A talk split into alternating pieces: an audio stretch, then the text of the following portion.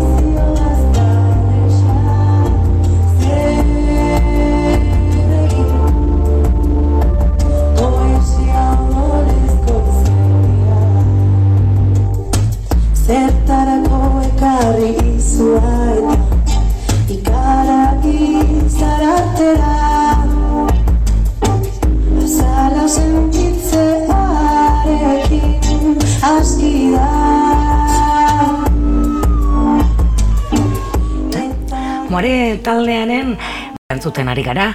Datorren ostegunean, bueno, edo ostegun honetan hobezan da, bira kulturgunean izango dira zuzenean e, jotzen. Eta hobeto nahi eza, ezagutu nahi ditugu eta horretarako amaia batu zaigu. Eguerdion amaia. Eguerdion, bai. Eta bai, bueno, aspaldiko lagunak dira Mai Gerriko eta Eli Beraza, batera ibili izan dira talde gehiagotan, baina orain moare taldea osatzen dute, Mai egunon. Kaixo egunon. E, aspaldiko lagunak zaretela esan dugu, baina duela gutxi sortu duzu, ezta? Zergatik proiektu berri hau? Bai, hori da, aurretik beste talde baten genbiltzan, koban izenekoa, eta bueno, pandemiak da noi ze pentsatu eman zigun, eta horraz eginen ba, zerbait pertsonalagoa edo intimoa egiteko asmotan. Que hori pare bat urte sortu zan ideia, bai. Eta nola izan zen bat taldea sortzeko prozesu hori edo? Ba, bueno, hasiera baten e, ez genekin oso ziurtzen nahi gendu nein, baina, bueno, hasi ginen musika elkar banatzen, ba, gure gustoko taldeak, eta, bueno, pixka roioa bilatzen, ez? Eta gero, ba, genitun instrumentu eta gauzekin, ba, aspalditik hor e, nire ordenagailuko karpeta baten neukan kanta bat hartu gendun, eta, bueno, hori pixka versionatzen hasi ginen, gure, pues hori, heli bere teklatuekin, eta bar, Eta ora zizian ba ideiak ateratzen. Jo, ba hemen ahots batzuk eta nola ingo ditugu, pues igual traste hau erosiko deu edo beste hau. Eta hola, bai, pixkanaka. Eta izena, enola da, moare, moare edo, edo nondik etorri da? Bueno, berez da moare esango litzake, e, da efekto optiko baten izena. Baina, bueno, guk euskaldun duin deu eta pixkat e, tonoa izango litzateke moare. Eta e, instrumentuak aipatu dituzu, bueno, e, makinak eta, ze bueno, ikusi dugu YouTubeko bideo batzutan eta eta badirudi botoie, botoi batzuei eman eta horrek egiten duela musika. Bai, bueno, e, baten du baiet, e, makina batek egiten dula, baina, bueno, dandana zuzenen, zuzenen iten deu, e, ordenagailuik ez erabiltza erabaki genuen, ordun dena makina hoiekin, ba, ez dakit adibidez, ahots kapa desberdinak grabatzen ditugu, eta momentuan bota, efektuak jarri, ahotsei zein teklatuei, e, bai, elik sintetizagailuak ditu baita ere, orduan hor regulatzen du ba, filtroakin ba, ze, ba, txikinago nahi duen, edo garbiago, eta bueno, soinu desberdinak, bai. Azkenen lan, lan asko dago atzetik, ba, hori prestatzen soinu bakoitza gordetzen, eta efektu bakoitza nun sartu, eta bueno, pixkat hori izan da gogorrena edo. Eta egiten duzuen musika hori, e, nola definituko zenukete, e, ez dakit e, folk eta pop elektronikotzat, e, jotzen da ez dakit zuek nola definituko duzuen?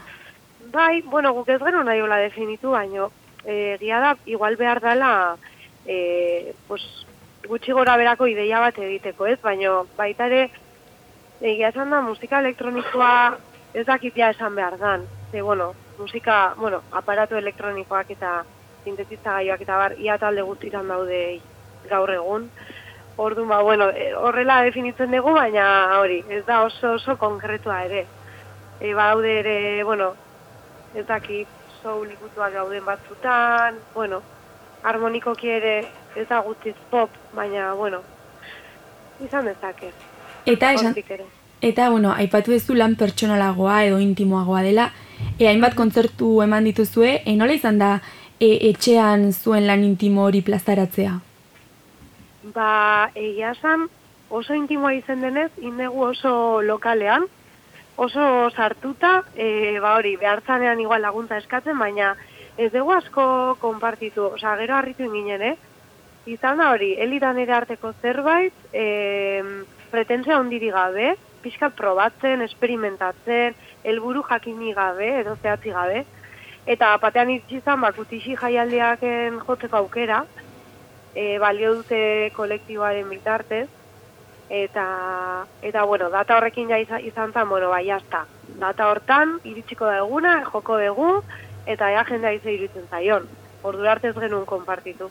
Eta jendeari zer iruditu zitzaion? Ba, oso feedback ona euki gendun egi esan, eta oso oso pozik eta jarraitzeko goga handiz. Bai, konfiantza pia bat jarri zuten guregan, eta super eskertuta horrekin, bai. Gaizkatea ziteken, eh? Osa, eta... Baina, bai, bai, e, ala ere zuek entzuteko aukera bakarra, e, zuen kontzertuetara joatea da, badaukazue disko bat grabatzeko asmoa? Bai, e, bueno, hasi ja grabatzen, bueno, guk geu grabatuko dugu, e, bueno, instrumentuak behintzat guk geuk, lokalean, eta gero ja hotxa grabatzeko ba, lagunen bati eskatuko diogu laguntza, baina printzipioz hori nahi dugu izatea etxekoa eta eta guk egina, ba, guk ere ikasteko gauzatxoiek egiten, ez? Beti bestei eskatu beharrean, ba, ba, prozesu hortan, bai, hola hasi ginen eta hola nahi du bukatu. Orduan, bueno, ba, tardatzen deuna, ez dakit ingo deun bi hilabetetan edo bi urtetan, busaiatuko galen bailen zerbait ateratzen hori bai. Eta diskorrek zer nolako norabide edo hartuko du, aurretik entzun daitezkeen abestienak edo beste edo experimentazio izango da. Ez kontzertutan entzun daitezken abestiak izango ja, nahiko antzeko, e, nahi begulako pixkat fase hau bukatu, itxi, diska, diska batekin, eta gero ja kanta jarri ba beste zerbait sortzeko, edo bueno, hau izan da azkenean prozesu baten ez emaitza baizik eta prozesu baten puntu batean daukaguna. Orduan hori nahi dugu konpartitu eta hortik aurrera basegi. No, e, aipatu dugu ostegunean Bilboko bira kulturgunean e, arituko zaretela, zer aurkituko da, zer zer joko dizue edo zer ikusiko du eta entzungo du bertaratzen denak.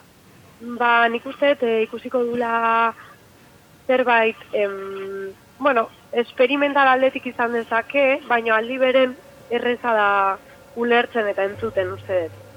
E, lasaia da, eta bueno, nik uste em, iradokitzen dizula zerbait atmosferikoa. Osa, nik uste ematen dizula aukera, ba, e, pentsatzeko, gauzak imaginatzeko, edo paisaia batera juteko, ez?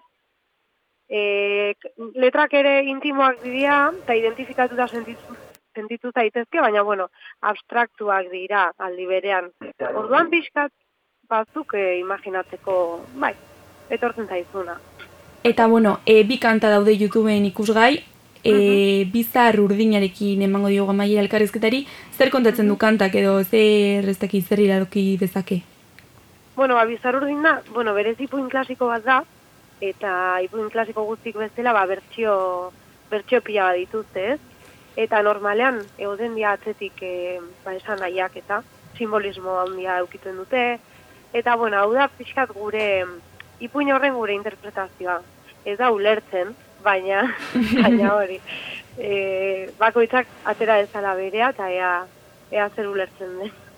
Ba, Maili Gerriko, emoare taldeko kidea, e, ostegunean Bilboko bira kulturgunean arratsaldeko zortzi terdietan egongo daukera zuek ikusteko, eta ba, ba, sorte hon osteguneko kontzertuan, eta datozen kontzertu guztiak ondo joan daitezela. Mi esker, eskerrik asko. Lisa.